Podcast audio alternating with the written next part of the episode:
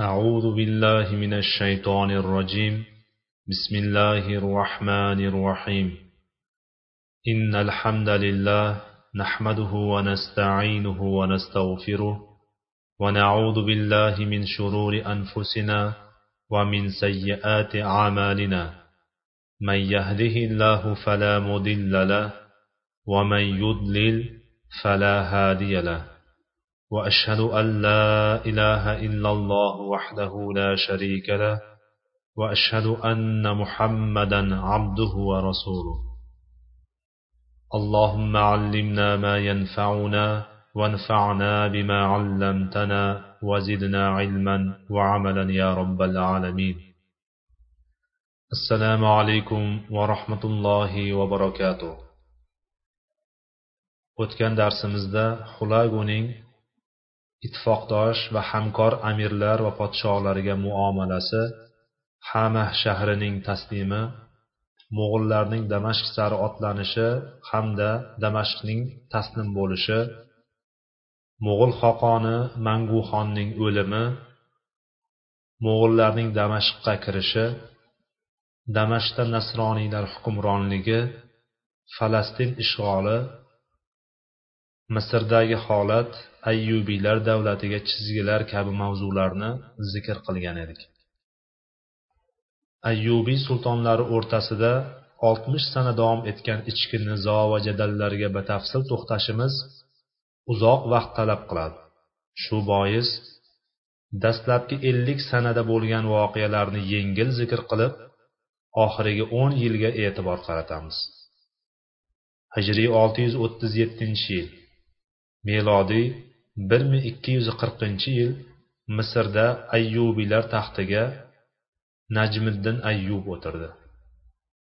Uning laqabi podsho solih edi. U salohiddin ayyubiy rahimallohdan keyin ayyubiylar sultonlarining eng afzali edi. Lekin ming afsus nafaqat aksariyat musulmonlar hatto solih najmiddin ayyub rahimaulloh bilan zamondosh bo'lgan misrliklar ham u kishining hayot tafsilotidan juda oz ma'lumotga ega bo'lganlar. Bu inson o'zidan oldin o'tgan u bilan zamondosh bo'lgan va undan keyingi ayyubiy amirlaridan butunlay ajralib turadigan solih kishi bo'lib martabasi salohiddin ayyubiy rahimaullohdan keyingi o'rinda edi. U hijriy olti yuz o'ttiz yettinchi yilda misrga hokim bo'ldi. Ya'ni islom olami va yevropani qon qaqshatgan mo'g'ul xoqoni o'qtoy davrida misr hokimiyati tepasiga kelgan edi.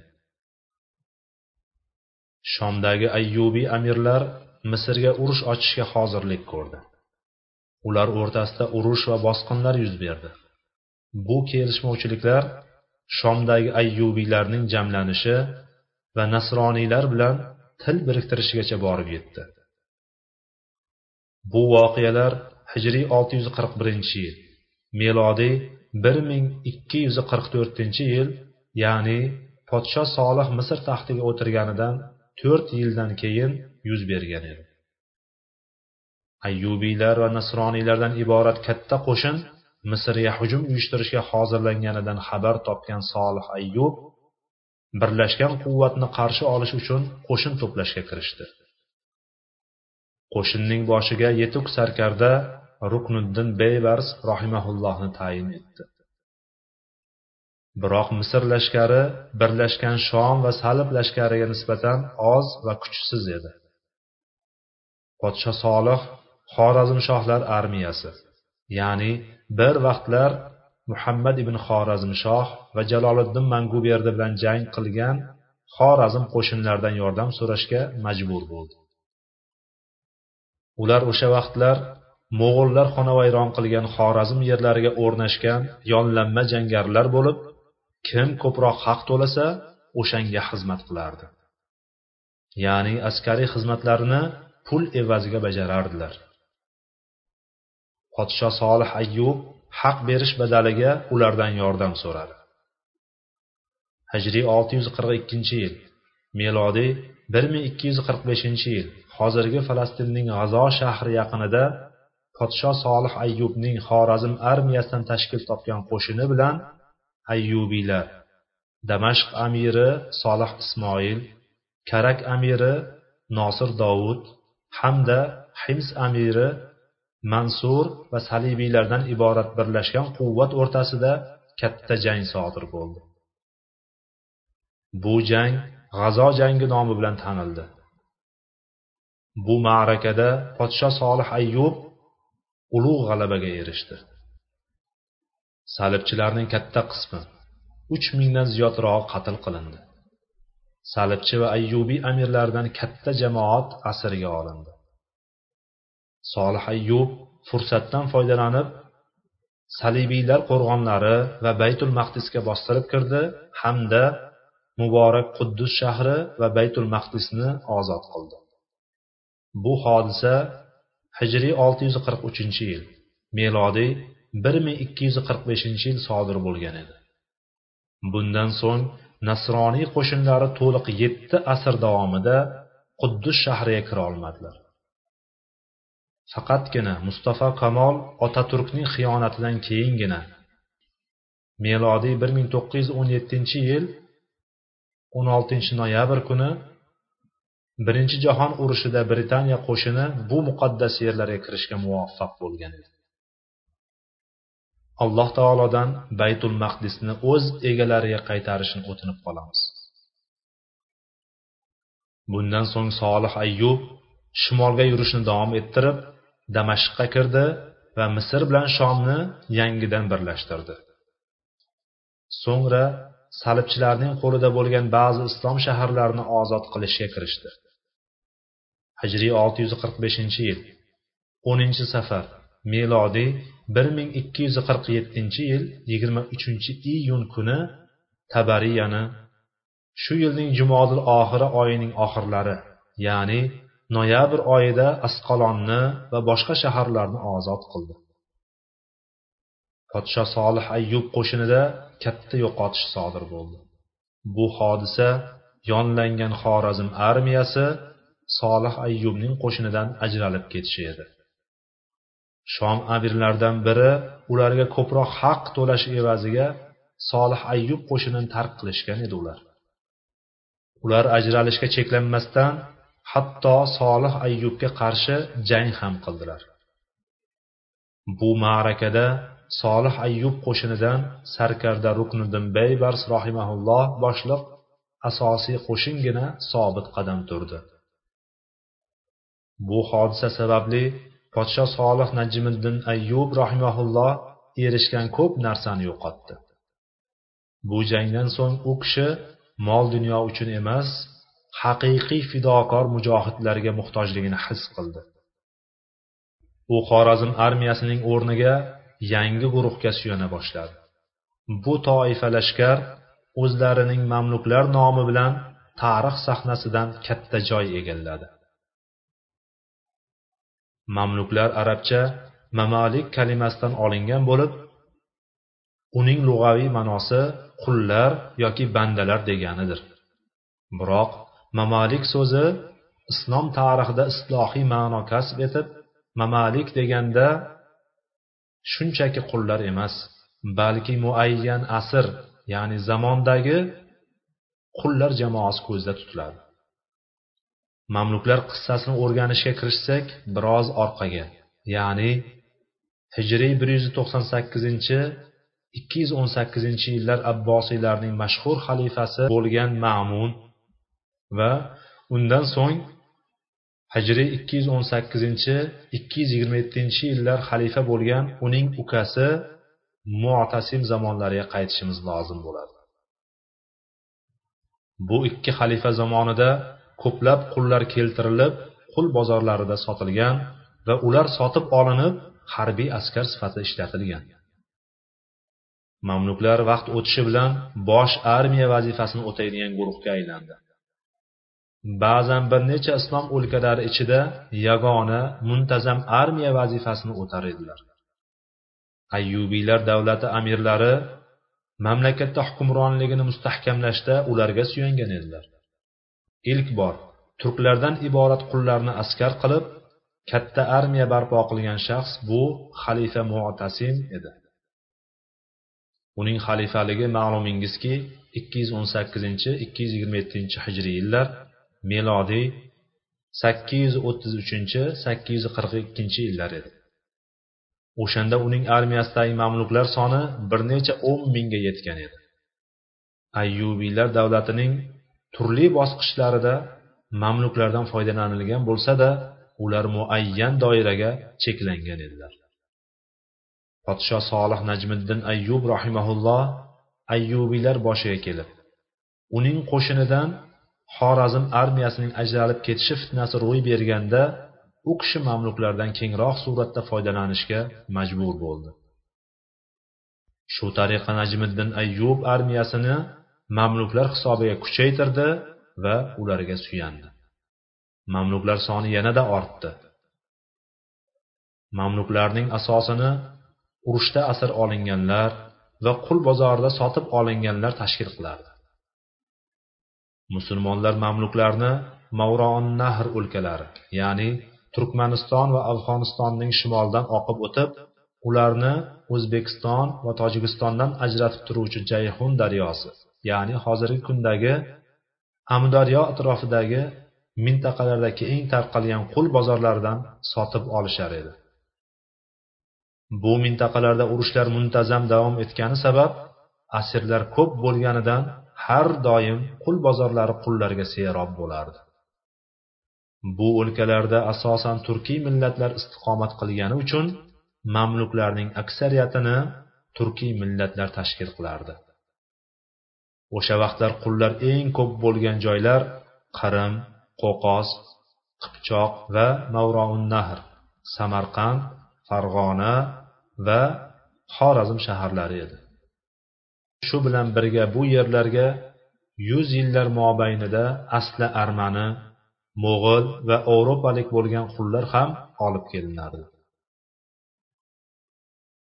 mamluklarning askariy va diniy iqtidori ortib o'zlari kabi oddiy mamluklarga sardor bo'lishdan tashqari pog'onama pog'ona mansablari ham yuksalib bordi. Ularning iqtidorlari oshgan sari yanada e'tiborga kirib borardilar. Ularga davlat ichida katta yerlar berilibgina qolmay hatto amir darajasiga ko'tarildi. Ya'ni armiyada katta zobit general maqomigacha chiqdilar. Bu esa mamluklarning amaldorlikka rag'batini oshirdi. Odatda mamluklar ularni sotib olgan sayyidlariga nisbatlanishar edi. Podsho solih sotib olgan mamluklar mamalikus solihiya podsho komil sotib olganlari mamalikul komiliya va hokazolar deb atalar edi. Solih ayyub sotib olgan mamalikus solihiyalarning soni juda ortib ketdi. U ayyubiylar orasida mamluklarni eng ko'p sotib olgan va uning armiyasini asosiy qismini mamluklar tashkil qilgan edi. Va bu mamluklarning aksariyati kurd millatiga xos edi.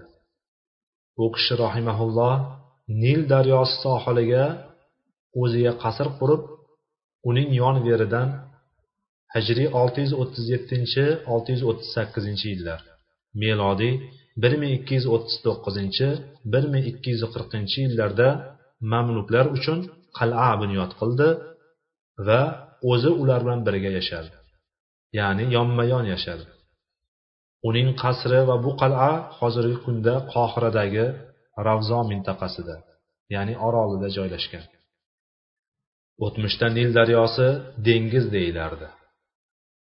Solihiy mamluklar shu dengiz atrofida istiqomat qilganlari hamda ularning ichida qora dengizning shimoli qipchoq o'lkalaridan qozvin dengiziga yaqin qo'qoz o'lkalaridan olib kelingan qullar ko'p bo'lgani uchun mamalikul bahriya ya'ni dengizlik mamluklar nomi bilan tanildi.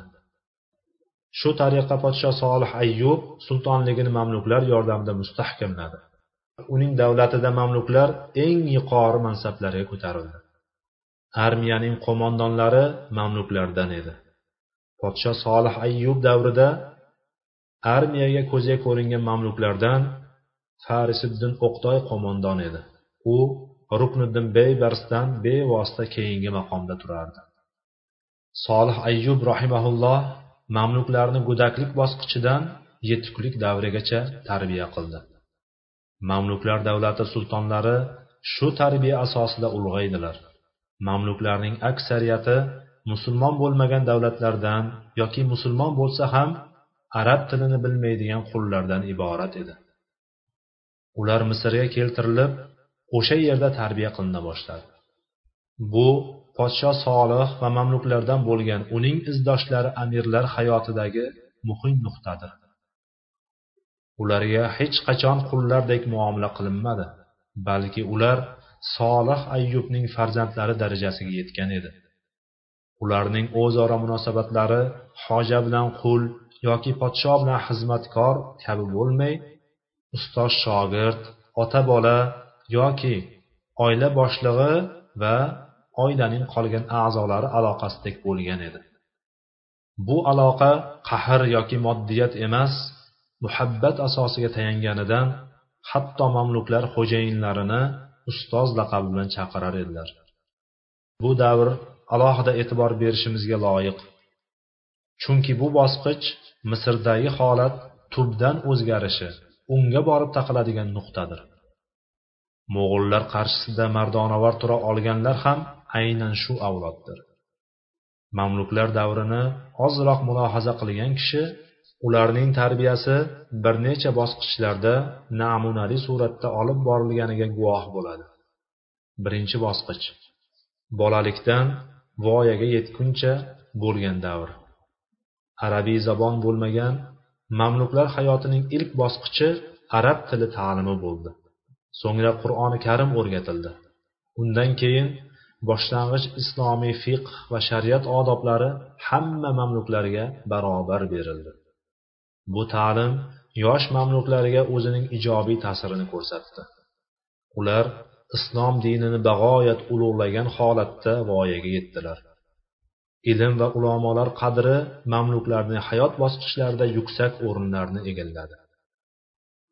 Bu esa mamluklar zamonida yuzaga kelgan ilmning yuksalishini izohlaydi. Mamluklar davlati davrida talaygina taniqli olimlar mavjud edi hamda bu davrda taniqli olimlar yetishib ham chiqdi. Jumladan azz ibn abdusalom navaviy ibn taymiya ibn qoyyim javziya ibn hajar asqaloniy ibn kasir maqriziy ibn jamoa ibn qudoma maqdisiy rohimahumulloh va boshqalar shular jumlasidandir. Ikkinchi bosqich. Yosh mamluklar balog'at yoshiga yetganlarida chavandozlik merganlik qilichbozlik kabi harbiy bilimlarni ta'lim olishdi. Ularning jang mahorati va jismoniy quvvatlari juda yuqori darajaga yetdi. Shu tariqa ular mashaqqat va qiyinchiliklarga bardoshli bo'lib shakllandilar. Uchinchi bosqich. Oliy harbiy bosqich. Ular boshqarma ishlariga jalb qilindi. Ularga harbiy rejalar tuzish askariy muammolarni yechish va qaltis ishlarda tasarruf qilish ta'limi berildi va jang maydoniga tushirilib urushtirildilar. Hatto ular jang mashaqqatlari va o'lim bilan yuzma yuz bo'lishni o'rgandilar. Shunday qilib mamluklar oliy maqsadli hamiyatli va islomiy g'ayratga qo'shimcha askariy va idoriy masalalarda yetuk insonlarga aylandi. Bu tarbiya bosqichlarining barchasida ularni sotib olgan sayyidlari sulton solih najmiddin ayyub rahimaulloh qattiq diqqat bilan nazorat qilardi. Ba'zan ularni oziq ovqatlari va rohatlaridan ko'ngli xotirjam bo'lishi uchun ular bilan birga ovqatlanar va ular bilan birga o'tirar edi. Butun boshli misr hokimi o'z mamluklari qullari muhabbatini ushbu xislati bilan qozongan edi. Hijriy olti yuz qirq yettinchi yil milodiy bir ming ikki yuz qirq to'qqizinchi yil podsho solih ayyub rahimaulloh sil kasali bilan kasallandi va to'shakka mixlanib qoldi. Bu pallada fransiya qiroli ludovik to'qqizinchi mo'g'ullar islom olamining sharqiga hujum qilayotganidan foydalanib misr va shom yerlariga bostirib kirishni reja qildi bu haqda o'tgan darslarimizda so'zlab o'tgandik mo'g'ul xoqoni buyuk xondan madad so'rab delegatsiya jo'natgan delegatsiya ikki qo'li bo'sh holatda qaytsa-da, Ludovik to'qqizinchi hamla qilish niyatidan qaytmagan edi. Ludovik to'qqizinchi hijriy 647 yil 21 safar, milodiy 1249 yil 12 iyun shanba kuni Dumyot sohiliga kelib tushdi. Musulmon qo'shin bilan salibchilar o'rtasida shiddatli jang ketdi. Bu jangda salibiylarning qo'li baland keldi va musulmonlardan ko'p shahidlar berildi kechqurun bo'lganda musulmon amir faxruddin yusuf askarlari bilan dunyodni tark qilib ashmum tanoh qishlog'iga yo'l oldi buni ko'rgan dunyotliklarning barchasi ularga ergashdilar shaharda biror jonzot qolmadi u sulton solih ayyubni kasaldan o'lgan deb gumon qilgan edi Ludovik to'qqizinchi armiyasi bilan yigirma ikkinchi safar ya'ni o'n uchinchi iyun yakshanba kuni dumyod shahriga keldi. Ne ko'z bilan ko'rsinki, shaharda biron tirik jonzot yo'q. Dastlab bu xiyla pistirma bo'lsa kerak deb o'yladi. Biroq vaqt o'tishi bilan unday emasligini ko'rdi. U bu shaharni hech bir qarshiliksiz va qurshovsiz egalladi.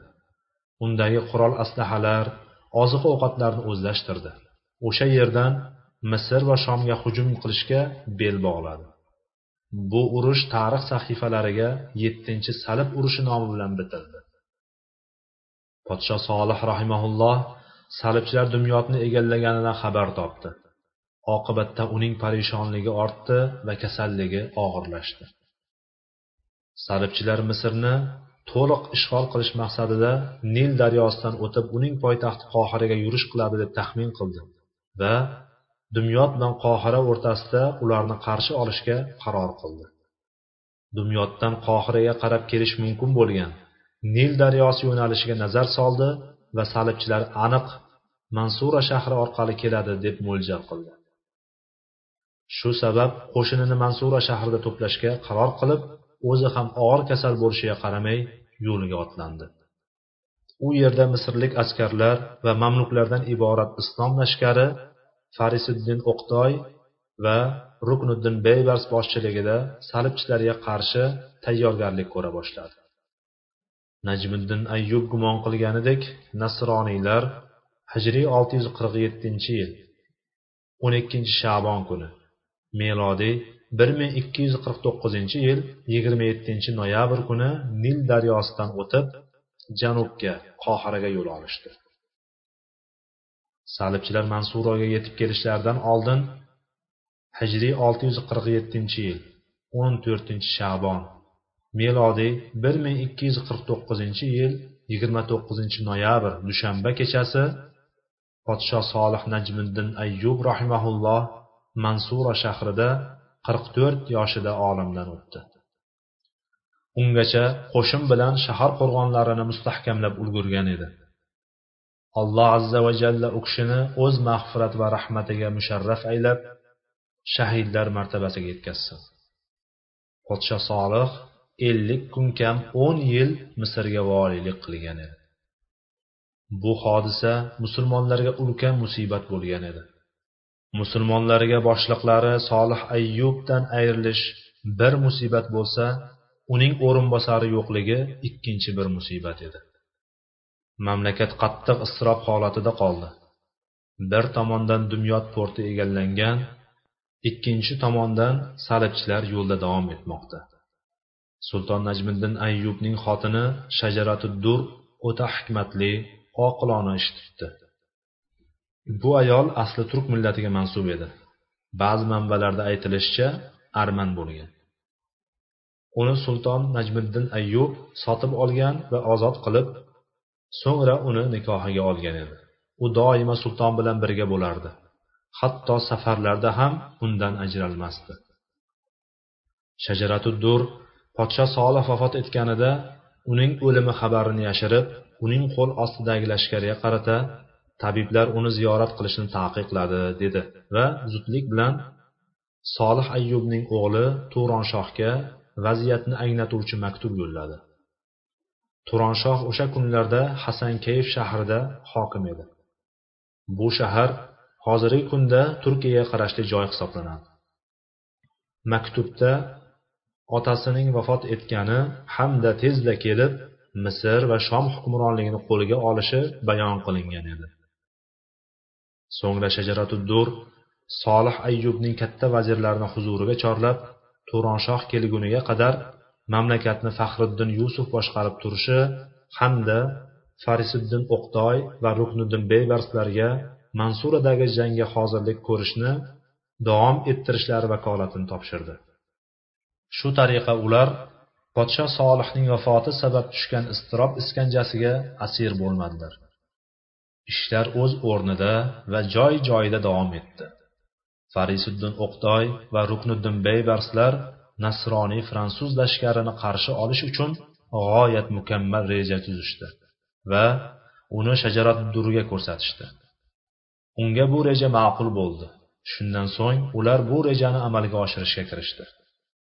O'sha vaqtlar shajaratuddur solih ayyubning o'g'li turonshoh kelguniga qadar go'yo davlat boshlig'i manzilatida edi. Hijriy olti yuz qirq yettinchi yil to'rtinchi zulqada melodiy bir ming ikki yuz elliginchi yil o'n beshinchi fevral kuni katta mansura jangi sodir bo'ldi. Bu o'ta muhim tarixiy sana bo'lib unda musulmonlar salibchilar ustidan ulkan g'alabaga erishdilar.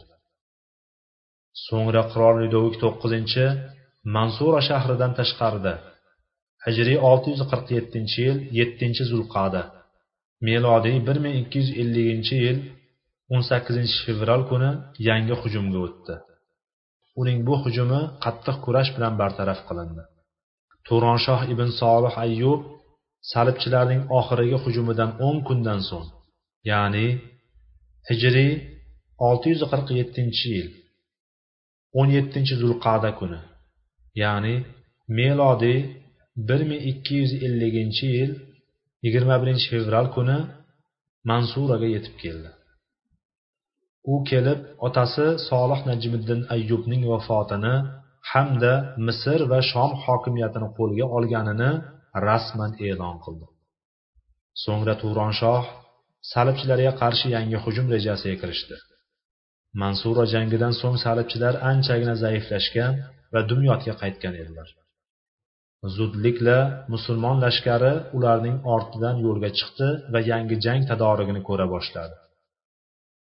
Misrning musulmon lashkari salib lashkari bilan dumyotning yaqinida farispur shahrida yuzma yuz keldilar. Bu to'qnashuv hijriy olti yuz qirq sakkizinchi yil uchinchi muharram milodiy bir ming ikki yuz elliginchi yil o'n to'rtinchi aprel payshanba kuni. Ya'ni katta mansura jangidan ikki oy o'tar o'tmas sodir bo'lgan va bu jangga yangi podshoh turonshoh ibn najmiddin ayyub rahbarlik qilgan edi. U farisiddin o'qtoy va rukniddin beybarslarning harbiy amaliyotlarini nazorat qilib bordi. Fariskur jangi islom olamidagi janglarning eng muhimlaridan hisoblanadi. Fariskur jangida fransiya qiroli ludovik to'qqizinchi asirga tushdi. Uning nasroniy lashkari o'lim bilan asirlik orasida qoldi. Bu jangda salibchilardan o'ttiz mingi o'ldirilib o'n minglarcha ritsarlari asir olindi. Ludovik to'qqizinchi mansura shahriga zanjirband holatda olib kelindi va faxriddin ibrohim ibn luqmon hovlisida hibsda saqlandi. Unga asirlikdan o'z jonini qutqarishi muqobilida katta baho qo'yildi. Uning jon garovi sakkiz yuz ming tilla dinor deb baholandi. U bu miqdorning yarmini ozod qilingan zahoti. Qolgan yarmini keyin berish kerak edi. Turonshoh salibiy asirlarni fidyaning qolgan qismini undirish musulmon asirlarni ozod qilish dumyotni musulmonlarga taslim qilish va o'n yil muddatga tinchlik o'rnatilishi badaliga tirik qoldirdi. Haqiqatdan bu jang barcha miqyosda ulkan yutuq bo'lgan edi. Nasroniylar fransiya va boshqa nasroniy o'lkalardan fidyaning yarmini bazo'r to'plab podsholali ludovik to'qqizinchini ozod qildi va uni akkoga olib ketishdi. Akko o'sha vaqtlar salib amirligi qo'l ostida edi. Hozirgi kunda u yahudlarning hukmidadir. Musulmonlar salibchilar ustidan g'alaba qozondi. Bu yutuqlarga badxulq va noshud turonshoh munosib emasdi. Bundan tashqari u siyosatdan ham uzoq edi. Fransiya qiroli yudovik to'qqizinchini yenggandan keyin atrofidagi g'animatlarni ko'rib g'ururlanib ketdi va otasining xotini shajaratu durga ta'na toshlarini yog'dirib uni otasining mulkini yashirishda ayblay boshladi. Undan o'sha mulkni talab qilibgina qolmay qattiq tahdid ham qildi. Erining o'limidan so'ng uning mulkini o'g'li turonshohga qo'sh qo'llab topshirgan qattiq iztirobli kunda solih ayyubning o'limini haloyiqdan yashirib uni chaqirtirgani unutildi. Turonshoh biror mashaqqatsiz misr voliysiga aylanib endi u bularning barchasini unutdi. Yoki eslashni xohlamadi ham. Buning ustiga u farisiddin o'qdoy va rukniddin beybarslar boshliq mamluklar amirlarining kattalariga ta'na qildi. Ularning mansura va fariskurdagi katta yutuqlarini inobatga olmadi ham balki ularning qilgan mehnatlarini arzimas deb baholadi. Shu tariqa turonshoh ularning mas'uliyat va vazifalarini qisqartirdi. Boshqa jihatdan esa u o'zi bilan hasankayfdan kelgan kishilarning martabalarini ko'tarishga kirishdi. Uning misr mamlakati va armiyasiga katta o'zgartirish kiritishiga bel bog'lagani hammaga ayon bo'lib qoldi. Bular fariskur jangidan keyingi uch oy davomida sodir bo'lgan hodisalar edi.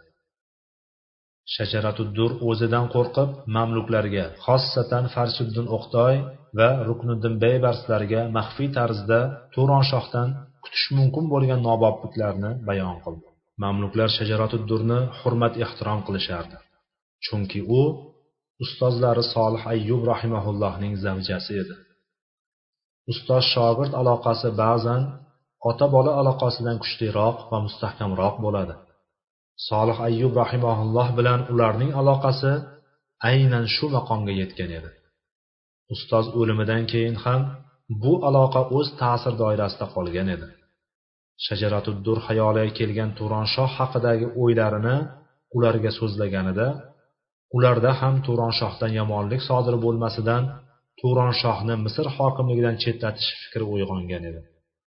Shu tarzda uni mulkdangina emas balki ruhini jasadidan chetlatish rejasini tuzishdi mamluklar nazarida qon to'kish ancha yengil masala bo'lib shubha ham qatl qilishga kifoya qilardi. Bir kishining xiyonat qilganida shubha qilsalar birgina shuning o'zi qatl qilishga sabab bo'la olardi. Qon masalasidagi bu yengil qarash mamluklar hayotining taqriban barcha bosqichlarida shunday bo'lgan edi. Mamluklar tarixida ularning ko'plab amirlari va kattalari xiyonat qilishda gumonlanib qatl qilingandir. Bu esa ular o'ta jiddiy va qattiqqo'llik bilan askariy tarbiya olganligining natijasi edi. Ular qahri qattiq qattiqqo'l va hikmatsizlikka yo'l qo'ygan hamma ishlarni go'daklik yoshidan qo'llarida ko'tarib o'rgangan qilich bilan hal qilishni yaxshi ko'rardilar. Qizig'i shundaki bular mamluklarning diniy va fiqhiy tarbiyada ulg'ayganlarning ahvoli. Ular xiyonatda yoki jamoatdan ajralishdan gumon qilgan odamni o'ldiribgina qolmay gohida qotil xalq orasida sotqinni o'ldirganligi bilan faxrlanardi ham. Hatto insonni o'ldirib uning taxtiga o'tirar ekan vijdoni sal bo'lsa-da qiynalmasdi ham. Bu to'kilgan qon alloh taoloning nazdida va insonlar oldida biror qiymatga ega emasday go'yo bu turonshoh va unga o'xshagan boshqa birontasining oqlovi emas. O'ldirilgan kim bo'lishidan qat'iy nazar. Garchi yomon xulqli xoin zolim kimsa bo'lgani taqdirda ham islomdagi uqubat jazoning biz emas butun olamlar robbisi belgilab qo'ygan muayyan chegarasi va o'ziga xos o'lchovi bor. Mamluklarning yoki ulardan boshqalarning vasvasa va gumonlari hargiz qatl qilishga kifoya qiluvchi shar'iy dalil bo'la olmaydi. U faqatgina uni ajratib qo'yish yoki undan yuz o'girish yoki hibs qilish va shu kabi jazolarga asos bo'lishi mumkin xolos. Xullas shajaratuddur farisuddin o'qtoy ruqniddin beybars va boshqa solihiy bahriy mamluklar turonshohni o'ldirishga ittifoq qildilar. Hijriy olti yuz qirq sakkizinchi yil yigirma yettinchi muharram kuni melodiy bir ming ikki yuz elliginchi yil to'qqizinchi may kuni hukm ijro qilindi. Bu hodisa shoh hasankeyfdan misrga kelganidan yetmish kundan so'ng yuz berdi. U shuncha masofani hokimiyatni qo'lga kiritish uchun emas jonini qo'ldan chiqarish uchun kelgan edi turonshoh ibn najmiddin ayyubning o'limi misrdagi ayyubiylar sultonligining nihoyasi bo'ldi والله تعالى أعلم سبحانك اللهم وبحمدك أشهد أن لا إله إلا أنت أستغفرك وأتوب إليك وآخر دعوانا أن الحمد لله رب العالمين والسلام عليكم ورحمة الله وبركاته.